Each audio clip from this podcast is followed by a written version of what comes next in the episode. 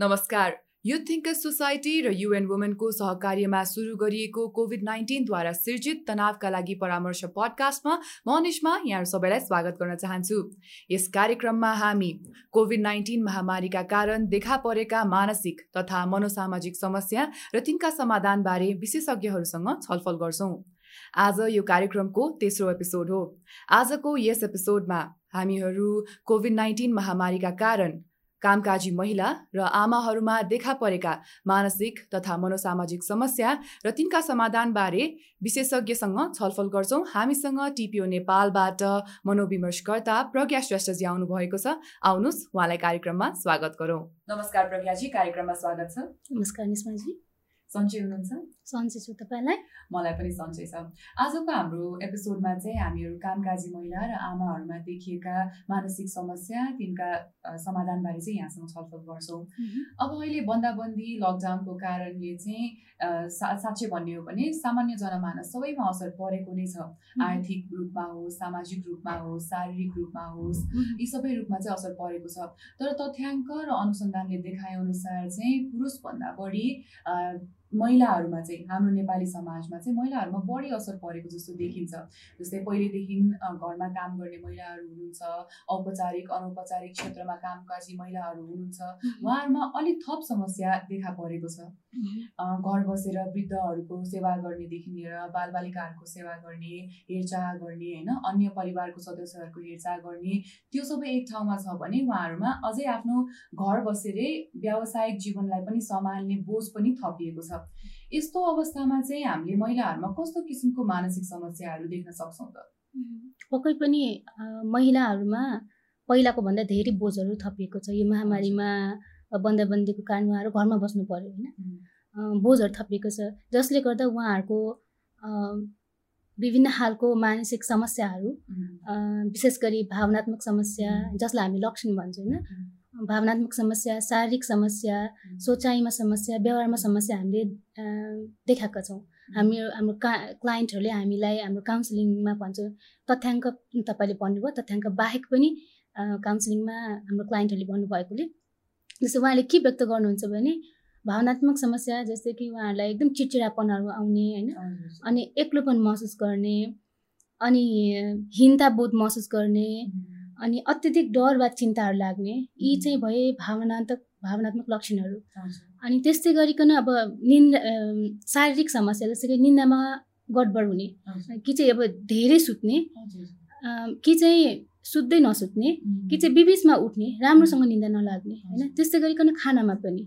अब खानामा पनि गडबड कि चाहिँ धेरै खाने तनावको कारणले गर्दाखेरि कि चाहिँ कामको बोझको कारणले खानै नखाने है? अब खानै मन नलाग्ने होइन? अनि त्यो लगायत अब शक्ति वा ताकत कम भएको भनेर पनि उहाँहरूले व्यक्त गर्नुभएको छ। अनि अब सोचाइमा भन्नुपर्दा उहाँहरूले जस्तै कि अरूले गर्न सक्छ त्यही काम मैले गर्न सक सकिरहेको छुइनँ होइन? म सक्षम छुइनँ यी लगायत अरू जस्तै आत्महत्याको सोचहरू पनि आउने उहाँहरूले भन्नुभएको छ होइन? त्यस्तै अब व्यवहारमा व्यवहारिक हिसाबले चाहिँ जस्तै आफ्नो ख्याल राख्नु छोडिदिने अनि घराइसी कामकाज लगायत अब अन्य कामहरू हुन्छ होइन? यदि कार्यालयमा काम गर्ने महिलाहरू हुनुहुन्छ भने उहाँले त्यो काम पनि गर्न छोडिदिने अनि व्यवहारिक रूपमै अब धेरै तनाव भएको छ अनि बच्चालाई पिट्ने। होइन चिचिरापन हुन्छ अब त्यो एक्सप्रेस गर्नु पऱ्यो अनि बच्चाहरूलाई पिट्ने त्यस्तै आत्महत्याको प्रयास पनि गर्नुभएको हामीले पाएका छौँ। अब यी समस्याहरूको पछाडि विभिन्न कारणहरू पनि छन्। जस्तै एउटा चाहिँ महामारी बन्दाबन्दी त भइहाल्यो होइन। यो चाहिँ सामाजिक पनि भयो। त्यस्तै परिवार पारिवारिक हिसाबले परिवारले सहयोग नगर्ने अब यो बन्दाबन्दीमा कतिजनाको जागिर पनि गएको छ होइन। अब त्यसमा आर्थिक समस्याहरू पनि छ भने मानसिक समस्या जस्तै सामना गर्ने शैलीमा फरक आएको छ। यी विभिन्न कारणले गर्दा यी लक्षणहरू देखा परेको हामीले देखाएका छौँ। हजुर। यी त भयो लक्षणहरू यहाँले केही कारण पनि हामीलाई भनिदिनु भयो होइन। अब यी समस्याहरूले चाहिँ दीर्घकालीन रूपमा कस्तो असर पुर्याउने रहेछन् त? सुरु सुरुमा यो जुन अघि नै भनेका लक्षणहरू देखा पर्नु त्यो स्वाभाविक हो। है हामी जो कोहीलाई पनि भएको छ होइन? यो लक्षणहरू बिस्तारै बिस्तारै एक दुई दिन मात्रै नभएर लामो समयसम्म भइरह्यो भने एकचोटि चाहिँ यो मानसिक स्वास्थ्य समस्या पो भएको हो कि भनेर याद गर्नु जरुरी छ। किनभने यो लामो समयसम्म यो लक्षणहरू धेरै देखा पर्यो। अब एक हप्ता दुई हप्तासम्म यो जुन अघि नै भनेको लक्षणहरू ला लामो समयसम्म देखा पऱ्यो भने पक्कै पनि उहाँलाई अब उदासीनता वा डिप्रेसन भएको छ कि वा चिन्ता रोग होइन? जसलाई हामी एन्जाइटी डिसअर्डर भन्छौँ। वा अन्य मानसिक स्वास्थ्य समस्या छ कि यो दीर्घकालीन रूपमा यो देखा परेको हुनसक्छ?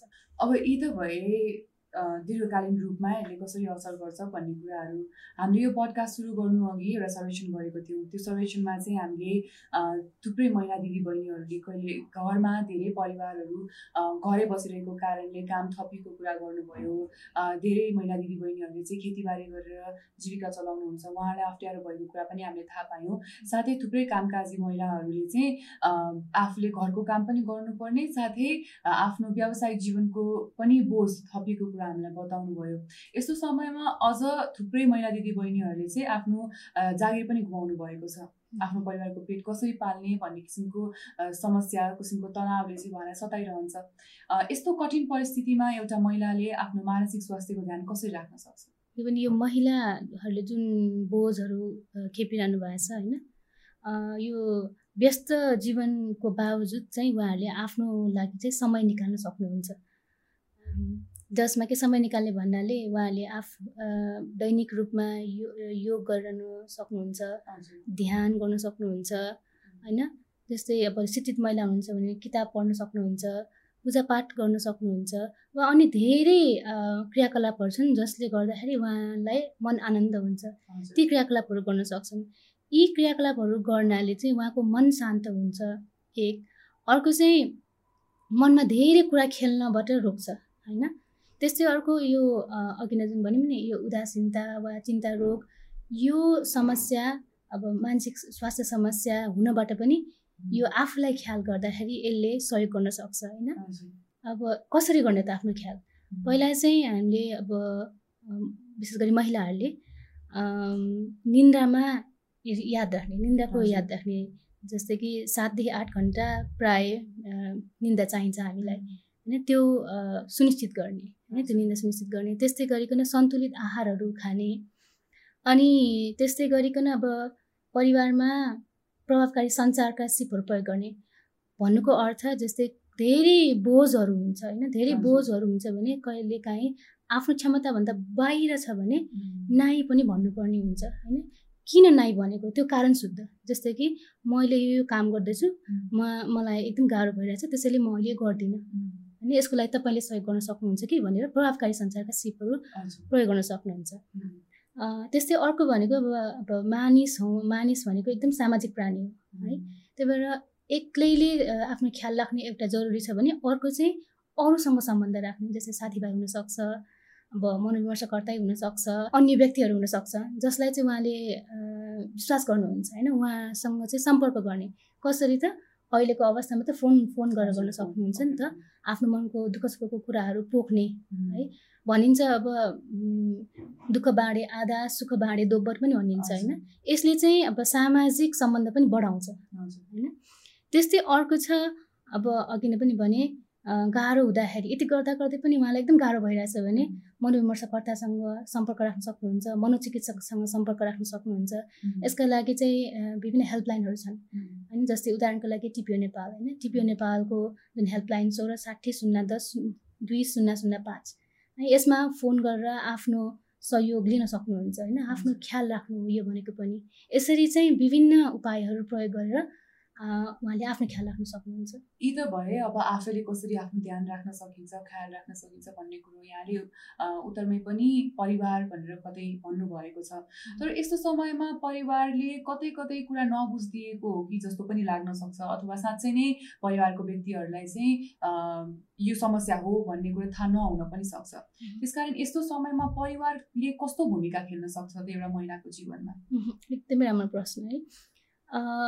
पक्कै पनि अब परिवारले चाहिँ देखिरहेको हुन्छ होइन? उहाँ जो महिला हुनुहुन्छ उहाँलाई बोझ थपेको धेरै कामहरू गरिरहनु भएको देख्नुहुन्छ भने उहाँहरूले दुई किसिमको सहयोग गर्न सक्छ सक्नुहुन्छ। एउटा चाहिँ व्यवहारिक सहयोग जस्तै धेरै काम गरिरहेको देखिरहनु भएको छ भने आफूले गएर सहयोग गरिदिने र उहाँलाई सोध्ने होइन? केमा सहयोग चाहिन्छ मलाई भन्न सक्छु अथवा भन्न सक्नुहुन्छ भनेर सोध्ने। अनि त्यसले चाहिँ अब व्यवहारिक सहयोग हुन्छ भने त्यस्तै अर्को भावनात्मक सहयोग पनि गर्ने जस्तै उहाँको कुरा सुनिदिने। मलाई गाह्रो भइरहेको छ भने उहाँको कुरा सुनिदिने। त्यस्तै अर्को चाहिँ म तिम्रो लागि अथवा तपाईँको लागि छु है भनेर सुनिश्चित गरिदिने होइन? यो दुईवटा सहयोगले उहाँलाई धेरै सहयोग हुन्छ। यसरी परिवारले चाहिँ सहयोग गर्न सक्नुहुन्छ। यसमा मैले अझ एउटा कुरा जोड्न चाहेँ जस्तै हाम्रो एकल महिलाहरू हुनुहुन्छ अथवा ज्याला मजदुरी गरेर चाहिँ आफ्नो जीविकोपार्जन गर्ने महिलाहरू हुनुहुन्छ। उहाँहरूमा चाहिँ हाम्रो सर्वेक्षणमा हेर्दाखेरि अलिक बढी मानसिक समस्या देखा पर्यो। यसको बारेमा के भनिदिनुहोस् न। पक्कै पनि एकल महिला त्यसमा चाहिँ ज्याला मजदुरी गर्ने महिलाहरूमा चाहिँ मानसिक तनाव बढ्नु त्यो स्वाभाविक अब यो यसले चाहिँ अब आर्थिक समस्या जस्तै कि अब घाँस पास कपासको लागि नै उहाँहरूले आर्थिक समस्या भोगिरहनु भएको छ होइन? अनि यसको लागि चाहिँ विभिन्न उपायहरू अप्नाउन सक्नुहुन्छ होइन? यसलाई कम गर्नको लागि। जस्तै कि आफ्नो क्षेत्रमा विभिन्न खालको सरकारी गैर सरकारी संस्थाहरू छन् भने त्यहाँ समन्वय गर्ने होइन? उदाहरणको लागि अब डब्लुएचआर भन्ने संस्था छ जसको पुरा नाम चाहिँ वुमेन ह्युमन राइट भन्ने संस्था छ। उहाँहरूले एकल महिलालाई नै टार्गेट गरेर उहाँहरूले काम गर्नुहुन्छ होइन? त्यस्तै अब आफ्नो आफ्नो ठाउँमा चाहिँ अरू संस्थाहरू पनि हुनसक्छ होइन? त्यही संस्थानमा पनि अरू संस्थाहरू हुनसक्छ। उहाँहरूले सहयोग लिन सक्नुहुन्छ। त्यस्तै आमा समूहमा पनि हुन्छ होइन? आमा समूहमा पनि सम्पर्क राख्न सक्नुहुन्छ। वडा कार्यालयमा पनि सम्पर्क राख्न सक्नुहुन्छ। अब त्यस्तै महिला स्वास्थ्य स्वयंसेविकाहरू पनि समय समयमा आउनुहुन्छ होइन? उहाँहरूको उहाँहरूसँग पनि सहयोग लिन सक्नुहुन्छ। उहाँलाई धेरै कुरा थाहा हुन्छ किनभने विभिन्न ठाउँमा उहाँहरू गइरहनु भएको हुन्छ होइन? उहाँलाई कुन संस्था कहाँनिर छ भने पनि थाहा हुन्छ भने त्यो घरको त्यो परिवारको बारे पनि धेरै उहाँहरूलाई जानकारी हुन्छ। उहाँको मार्फतबाट पनि सहयोग लिए लिएर यो जुन आर्थिक समस्या जुन उहाँले भोगिरहनु भएको छ त्यसमा चाहिँ कम गर्नको लागि चाहिँ उहाँले सहयोग गर्न सक्नुहुन्छ। भनेपछि देशभरि ठाउँ ठाउँमा चाहिँ यस्ता संस्थाहरू छन् जसले चाहिँ एकल महिला अथवा ज्याला मजदुरी गर्ने महिलाहरूलाई नै ध्यानमा राखेर चाहिँ कामहरू गर्नुहुन्छ। खालि उहाँहरूले चाहिँ उहाँहरूमा पुग्न सिक्नुपर्ने भयो। सायद वडामा सम्पर्क गर्नुपर्ने भयो अथवा महिला स्वयंसेविकाहरूलाई सम्पर्क गरेर चाहिँ उहाँहरूमा पुग्न सक्नुहुन्छ। हजुर। उहाँहरूले चाहिँ यो यो जुन अघि नै भनिरहेका छौँ उहाँ त्यो उपायहरू अप्नाएर आर्थिक समस्या कम गर्न सक्नुहुन्छ होइन? अब यो आर्थिक समस्याले निम्त्याउने विभिन्न खालका मानसिक तनावहरूलाई कम केही मात्रामा कम गर्न चाहिँ मद्दत गर्छ। पुरै रूपमा निवारण नहोला तर केही स केही मात्रामा चाहिँ कम गर्न सक्छ होइन? यसले चाहिँ अब हाम उहाँहरूमा हुने मानसिक तनावहरूलाई कम गर्न धेरै मद्दत पुग्न सक्छ। अब अलि भिन्न पक्षतिर जाउँ। यस्ता पनि थुप्रै महिलाहरू हुनुहुन्छ जसलाई चाहिँ कोरोना महामारीभन्दा अगाडिदेखि नै मानसिक समस्याहरू थिए। उहाँहरूको मानसिक स्वास्थ्य चाहिँ त्यति राम्रो थिएन भनौँ। अनि अहिलेको समयमा यस्तो कठिन परिस्थितिमा चाहिँ उहाँहरूले आफूलाई कसरी सम्हाल्न सक्नुहुन्छ पक्कै पनि यो महामारी र बन्दाबन्दी हुनु अगाडि पनि धेरै महिला लगायत अरू अरू मानिसहरूमा यो मानसिक समस्याहरू देखिरहेको थियो होइन? र अहिले यो महामारी र बन्दाबन्दीको कारणले झन् बल्झिएको छ। झन् समस्याहरू बल्झिएको छ। वा भनौँ फेरि दोहोरिएको छ। यदि उहाँले पहिलादेखि नै अब मनोविमर्श लिइरहनु भएको छ वा मनोचिकित्सकको औषधि खाइरहनु भएको छ भने पुनः उहाँहरूसँग नै सम्पर्क राखेर होइन? मनोविमर्शकर्ता वा मनोविद वा मनोचिकित्सकसँग चाहिँ सम्पर्क राखेर फोन मार्फतबाट सम्पर्क राखेर चाहिँ पहिला जुन उहाँले अभ्यास सिक्नु भएको छ होइन? पक्कै पनि मनोविमर्शमा धेरै अभ्यासहरू उहाँले सिक्नुभएको हुन्छ त्यो पुनः दोहोऱ्याउन सक्नुहुन्छ होइन? यदि उहाँले अब मनोविमर्श लिनुभएको छैन भने चाहिँ ऐन भनेको हेल्पलाइन लगायत अरू पनि अन्य पनि धेरै हेल्पलाइनहरू छन् त्यहाँ सम्पर्क राख्न सक्नुहुन्छ र उहाँबाट सहयोग लिन सक्नुहुन्छ। यहाँले अब भन्नुभएको कुरा चाहिँ जागरुक महिलाको रहे जस्तो लाग्यो जसलाई चाहिँ मानसिक समस्या छ अनि मैले सेवा लिनुपर्छ अथवा पहिला लिएको थिएँ भन्ने कुरा थाहा छ। अब यस्ता महिला पनि हुनुहुन्छ होला जसले चाहिँ पहिला कहिले सेवा लिनु नै भएको छैन होला अथवा मानसिक समस्या भनेको यो हो भनेर थाहा नै नहोला उहाँहरूलाई होइन? त्यस्तो महिलाहरूलाई चाहिँ यहाँले के भन्न चाहनुहुन्छ? यसमा दुईवटा कुरा छ। पहिला चाहिँ जुन अघि नै हामीले छलफल गरिसक्यौँ आफूलाई जुन यो भावनात्मक अथवा शारीरिक अथवा व्यावहारिक वा सोचाइमा जुन लक्षणहरू देखेको थियो नि त्यो निरन्तर रूपमा भइरहेछ। त्यो त्यही समस्याहरू दोहोरिरहेछ भने पहिला मलाई के समस्या पो भएको छ कि भनेर आफूले आफूलाई निहाल्नु पऱ्यो एउटा कुरा। अर्को कुरा भनेको जस्तै अब उहाँले विभिन्न हेल्पलाइन अघि नै छलफल गरिसकेका छौँ। विभिन्न हेल्पलाइनमा फोन गरेर मनोविमर्शकर्ता मनोचिकित्सकसँग सहयोग लिन सक्नुहुन्छ होइन? उहाँहरू यस तालिम प्राप्त हुनुहुन्छ होइन? जसमा चाहिँ उहाँ महिलाले जो कुरा गर्दै हुनुहुन्छ उहाँ निर्धक्कसँग कुरा गर्न सक्नुहुन्छ। किनभने उहाँहरूले सबै कुरा गोप्य राख्नुहुन्छ है? त्यही भएर उहाँहरू ढुक्क भयो हुन्छ कि? आफ्नो मनको कुरा स्पष्टसँग राख्न सक्नुहुन्छ। त्यस्तै अर्को छ विभिन्न स्वास्थ्य चौकीहरू विभिन्न ठाउँमा स्वास्थ्य चौकीहरू छन्। त्यहाँ पनि तालिम प्राप्त स्वास्थ्य कर्मीहरू हुनुहुन्छ होइन?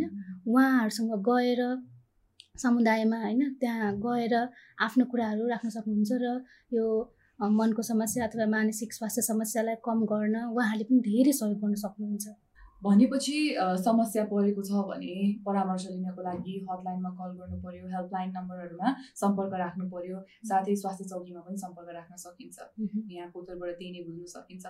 अब अपाङ्गता भएको महिला दिदीबहिनीहरूको कुरा गरौँ। अपाङ्गता भएको महिला दिदीबहिनीहरू कतिजना जागिरी हुनु हुनुहुन्छ होला होइन? कतिजनाले घर परिवार सम्हालिरहनु भएको छ होला। उहाँको अवस्था त झन् जटिल छ। यस्तो समयमा यस्तो परिस्थितिमा उहाँहरूले आफ्नो मानसिक स्वास्थ्यको स्याहार कसरी गर्न सक्नुहुन्छ होला? अपाङ्गता भएका महिला तथा अन्य मानिसहरू पनि अरू मानिसहरू सर उहाँहरूको पनि अधिकार हुन्छ। होइन? उहाँहरूको पनि आवश्यकता हुन्छ उहाँहरूको पनि चाहना हुन्छ। तर परिवार र सामाजिक दृष्टिकोण लगायत सहयोग नपाउँदा उहाँहरूकोबाट सहयोग नपाउँदाखेरि अपाङ्गता भएको महिला तथा अन्य व्यक्तिहरू चाहिँ उदासीनता वा डिप्रेसन भएको अध्ययन अनुसन्धानले देखाएको छ होइन? जसले गर्दाखेरि उहाँहरू उहाँहरूको सा सामाजिक एक्लोपन महसुस हुने होइन? त्यस्तै गरिकन परिवार तथा सामाजिक सम्बन्धमा पनि के अरे बिछोड हुने होइन बिछोड हुने नजिकपन नआउने यस्ता समस्याहरू देखा परेको छ। त्यसैले अब यसको लागि व्यक्ति स्वयंले आफूले आफूलाई अरूसँग तुलना नगर्ने होइन? किनभने यसरी तुलना गर्दाखेरि आफूले आफूलाई हिंता बोध भएको महसुस गर्नुहुन्छ। र अगाडिको जीवन नदेख्ने हुनसक्छ। होइन? त्यस्तै गरिकन अर्को चाहिँ सकारात्मक सबल पक्षहरूमा आफूले ध्यान दिन सक्छौँ। होइन? उहाँहरूले सृजनात्मक कामहरू गर्न सक्नुहुन्छ। होइन? अनि विभिन्न खालको सृजनात्मक काम हुन्छ आफ्नो क्षमता अनुसार। त्यो कामहरू गर्नाले चाहिँ उहाँहरूको मनोबल बढ्छ। होइन? अनि मनोबल बढ्दाखेरि उहाँहरूको मनोसामाजिक स्वास्थ्य होइन त्यस्तै गरी मानसिक स्वास्थ्यमा झन् सुधार आउँछ। त्यस्तै गरी अर्को छ आफूले आफूलाई महत्त्व दिने। वा आफूले आफूलाई माया गर्ने आफूले आफूलाई करुणाको भावना राख्ने होइन। यो आफूले आफूलाई महत्त्व दिँदाखेरि विभिन्न खालको नकारात्मक आफूप्रतिको नकारात्मक सोचहरू आउन कम गर्छ। र यसले उहाँलाई मानसिक स्वास्थ्य समस्या हुनबाट धेरै नै जोगाउँछ। उदाहरणको लागि हामी सृष्टि केसीजीको लिन सक्छौँ उहाँ दृष्टिबिन हुनुहुन्छ। तर उहाँमा उहाँले आफूले आफूलाई नै महत्त्व दिनुभएकोले आफ्नो आफ्नो सबल पछि उहाँले पहिचान गर्नुभएकोले अहिले उहाँ एक एउटा उदाहरणीय हुनुहुन्छ। नेपाल मात्र नभएर विश्वभर नै उहाँ एउटा उदाहरणको रूपमा हामीले पाउने छौँ हामीले पाएका छौँ। हजुर पक्कै पनि। निकै नै राम्रो उदाहरण दिनुभयो यहाँले आफ्नो उत्तर अन्त्यमा सृष्टि केसी पक्कै पनि एउटा ठुलो उदाहरण हुनुहुन्छ। जति पनि अपाङ्गता भएको महिला दिदीबहिनीहरू हुनुहुन्छ अथवा व्यक्तिहरू हुनुहुन्छ उहाँहरूको लागि होइन? बिचमा यहाँले कतै परिवार भन्ने कुरा शब्द यहाँनिर भन्नुभएको थियो। एउटा अपाङ्गता भएको महिला दिदीबहिनीहरू अथवा व्यक्तिहरूको मानसिक स्वास्थ्य स्वास्थ्यमा परिवारको चाहिँ भूमिका कस्तो रहन्छ त? परिवारको त एकदमै महत्त्वपूर्ण भूमिका हुन्छ। होइन जस्तै कि अब उहाँले परिवारले त देखिरहेको हुन्छ उहाँलाई गाह्रो भइरहेको छ छैन भनेर उहाँले हेरिरहनु भएको हुन्छ। त्यो चाहिँ परिवारका सदस्यहरूले हेर्न सक्नुहुन्छ कि जस्तै कि के बाधा आइरहेछ वा के व्यवहारमाको परिवर्तन भइरहेछ होइन? जस्तै कि यो यो अहिले महामारी बन्दाबन्दी कोभिडको कारणले गर्दा पहिला कस्तो व्यवहार थियो अहिले कस्तो व्यवहार छ? त्यो व्यवहार फरक त परिवारले देखिरहनु भएको हुन्छ। त्यो याद गर्नु सक्नुहुन्छ होइन? अनि उहाँलाई सम्झाउन पनि सक्नुहुन्छ जस्तै कुन कुरा आफ्नो हातमा छ कुन कुरा आफ्नो हातमा छैन होइन? आफ्नो हातमा हुने जस्तै कि आफ्नो मन छटपट्टि भइरहेछ भने त्यसलाई कम गर्न विभिन्न उपायहरू अप्नाउन सकिन्छ जुन अघि नै पनि हामी छलफल गरिसक्यौँ होइन? त्यस्तै अब आफ्नो हातमा छैन भने होइन? जस्तै कि यो लकडाउन हामी रोक्न सक्दैनौँ है? छैन भने त्यस्तो बेला चाहिँ उहाँलाई सम्झाउने। यो हाम्रो हातमा छैन भनेर सम्झाउन सक्नुहुन्छ है। त्यस्तै अब काम गरिरहनु भएको छ होइन? धेरै काम उहाँले बोझ लिइरहनु भएको छ भने परिवारको सदस्यले देखेर त्यो बोझलाई कम गर्न पनि उहाँहरूले मद्दत गर्न सक्नुहुन्छ है? त्यस्तै अर्को कुरा चाहिँ अब व्यक्ति स्वयं अथवा परिवारले चाहिँ विभिन्न सङ्घ संस्थाहरूमा सम्पर्क पनि राख्न सक्नुहुन्छ आफूलाई गाह्रो हुँदाखेरि। जस्तै अहिले भर्खरै हामीले थाहा पाएको अनुसार एउटा यो एकद्वार प्रणाली ओसिएमसीबाट होइन प्रणालीबाट चाहिँ एउटा संस्था छ जुन चाहिँ म एकछिन यहाँ हेरेर नै पढ्छु है त। राष्ट्रिय आ आदिवासी अपाङ्ग महिला सङ्घले भर्खर सुचार गरेको हेल्पलाइन छ। त्यो हेल्पलाइन चाहिँ सोह्र साठी शून्य उन्नाइस एक पाँच तिन चार है यहाँ फोन गर्न सक्नुहुन्छ उहाँले। यो विशेष गरी आदिवासी तथा अपाङ्गता भएका महिला। लगायत अरू व्यक्तिहरूलाई पनि हुनसक्छ होइन? उहाँहरूले पनि सहयोग गर्न सक्नुहुन्छ। त्यही भएर परिवारले त्यहाँसम्म कुरा गर्नको लागि मद्दत गर्न सक्नुहुन्छ। वा व्यक्ति स्वयंले पनि आफूलाई गाह्रो पर्दाखेरि त्यहाँ फोन पनि गर्न सक्नुहुन्छ। अब एकदमै महत्त्वपूर्ण र जटिल समस्यातर्फ जाउँ। घरेलु हिंसा र यौनजन्य दुर्व्यवहार। अहिले मानव अधिकार संरक्षण र सम्वर्धनको लागि काम गर्ने गैर सरकारी संस्था रहेको छ वरेक। उहाँहरूले जारी गर्नुभएको एउटा प्रतिवेदन जुन दुई हजार बिस जुनमा जारी भएको थियो। त्यसमा उहाँहरूले के लेख्नु भएको छ भन्दा लकडाउनको समयावधिभरि किशोरीहरू तथा महिलाहरूमा चाहिँ घरेलु हिंसाको छ सय चौबिस घटना देखिएका छन्। तीमध्ये तिन सय उनासी घरेलु हिंसाका समस्या रहेका छन् भने तिरासी समस्या चाहिँ मानसिक हिंसाका रहे रहेका छन्। यस्तो समस्या भोगिरहने महिला दिदी बहिनीहरूमा चाहिँ कस्तो किसिमको मनोसामाजिक समस्या देखा पर्न सक्छ त? पहिला सुरु हामीले यो हिंसा घरेलु हिंसा भन्नुभयो होइन यो हिंसा भनेको नै कति प्रकारका हुन्छन् कस्तो कस्तो हिंसा हुन्छन् त्यो बुझ्नु जरुरी छ होइन। जस्तै उदाहरणको लागि अब शारीरिक हिंसा हुनसक्छ जसमा कि कुटपिट गर्ने हुनसक्छ। त्यस्तै गरिकन मनोवैज्ञानिक हिंसा हुनसक्छ जस्तै तर्साउने होइन? अनि अर्को चाहिँ अरूसँग कुरा पनि गर्न नदिने त्यस्तो हुनसक्छ त्यस्तै अब अघि नै तपाईँले भनिसक्नुभयो यौन हिंसा पनि हुन हुनसक्छ जबरजस्ती गर्न खोज्ने होइन? अनि आर्थिक हिंसा पनि हुनसक्छ जस्तै कि अब पढ्न वा शिक्षा प्राप्त गर्न नदिने होइन? अर्को चाहिँ अब बाहिर काममा नपठाउने होइन? अनि त्यस्तै अर्को चाहिँ इच्छा विपरीत जस्तै कि के अरे श्रीमतीको खाता छ भने आफ्नो खातामा राख्ने। जसले गर्दाखेरि उहाँ निर्भर हुनु पर्यो। है यो यो किसिमको आर्थिक हिंसा भयो। त्यस्तै भावनात्मक हिंसा जसमा चाहिँ जसले पनि अपमान गरिरहने होइन? अनि टिका टिप्पणीहरू गरिरहने। यी विभिन्न किसिमका हिंसाहरू छन् भनेर हामीले बुझ्नु पर्यो। अब यो किन हुन्छ त? होइन? यसको कारण के हो भन्नाले यसमा चाहिँ हिंसाप्रति चाहिँ सचेत नभएको होइन यो हिंसा भइरहेछ मलाई भनेर महिलाहरू सचेत नभएको वा पुरुष पनि हुन सक्छन् होइन? उहाँ सचेत नभए नभइरहेको। अर्को चाहिँ सचेत भए पनि अब उहाँहरू त निर्भर हुनु हुनुपर्ने भयो आर्थिक हिसाबले वा अन्य केही कुराले निर्भर हुनुपर्ने भयो। सचेत हुँदा हुँदै पनि उहाँहरूले त्यसलाई सही रहेको हुन्छ हुनसक्छ यी चाहिँ भयो कारण। अब यसले गर्दा विभिन्न लक्षणहरू देखा पर्ने हुन्छ जस्तै मानसिक वा मनोसामाजिक समस्याहरू। जस्तै केही कुराहरू उहाँहरूले अरूलाई नभन्ने है यस्तो हिंसा भोगिरहेको छु भनेर नभ नभन्ने। अनि अब म एक्लो छु मलाई कसैले पनि सहयोग गर्दैन भन्ने सोचहरू राख्ने। होइन यी लगायत अब व्यावहारिक समस्या चाहिँ जस्तै अघि नै पनि हामीले छलफल गरिसक्यौँ एकदम चिडचिडापन हुने होइन झगडालु स्वभाव हुने हुनसक्छ होइन? अनि सोचमा चाहिँ जस्तै आत्महत्याको सोच मात्रै नभइकन अब व्यवहारमा उहाँहरूले प्रयास पनि गरेको हामीले सुनेका छौँ।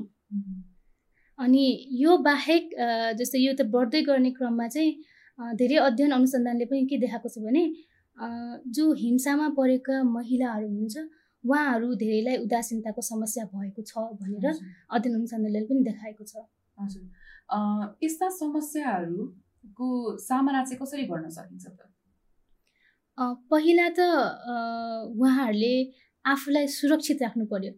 चाहे त त्यो शारीरिक हिसाबले होस् चाहे त्यो मनोवैज्ञानिक अथवा भावनात्मक अथवा मानसिक हिसाबले होस् आफूलाई सुरक्षित राख्नु जरुरी छ होइन?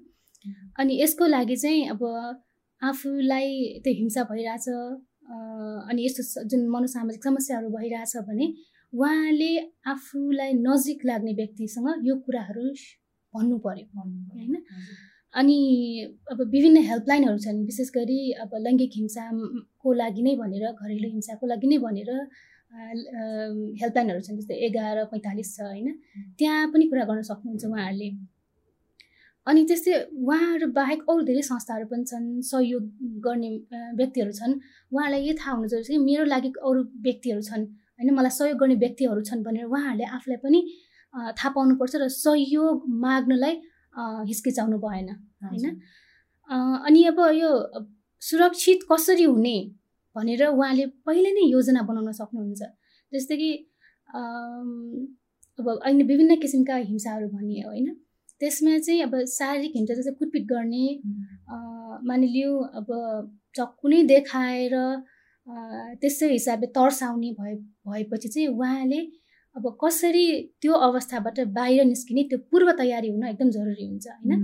अब यसको लागि हुनसक्छ उहाँले पहिले सोच्ने कि मैले कुन ठाउँमा कसरी जान सक्छु है? त्यो पहिले पहिले तयारी हुने।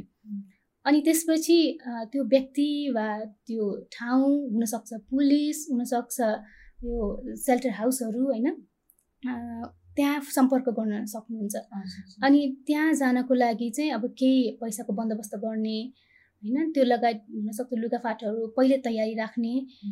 यी पूर्व तयारीले गर्दा उहाँलाई आफू सुरक्षित कसरी हुने भन्ने भन्नलाई चाहिँ धेरै सहयोग मिल्छ। र यसो भएको हुनाले घरेलु हिंसा भोगिरहनु भएको महिलाले मानसिक स्वास्थ्य समस्या र मनोसामाजिक समस्या कम गर्नको लागि विभिन्न अघि नै भनेको उपायहरू अप्नाउन सकिन्छ जसले गर्दाखेरि उहाँहरूको दीर्घकालीन समस्याहरू जस्तै आगतजन्य घटनाहरू हुनबाट बस्नको लागि धेरै मद्दत मिल्छ। तसर्थ घरेलु हिंसा जस्तो हिंसाबाट बस्नको लागि चाहिँ हामीले आवाज पनि उठाउनु पर्छ हामीले आफूलाई सुरक्षित राख्न पनि सिक्नुपर्ने भयो।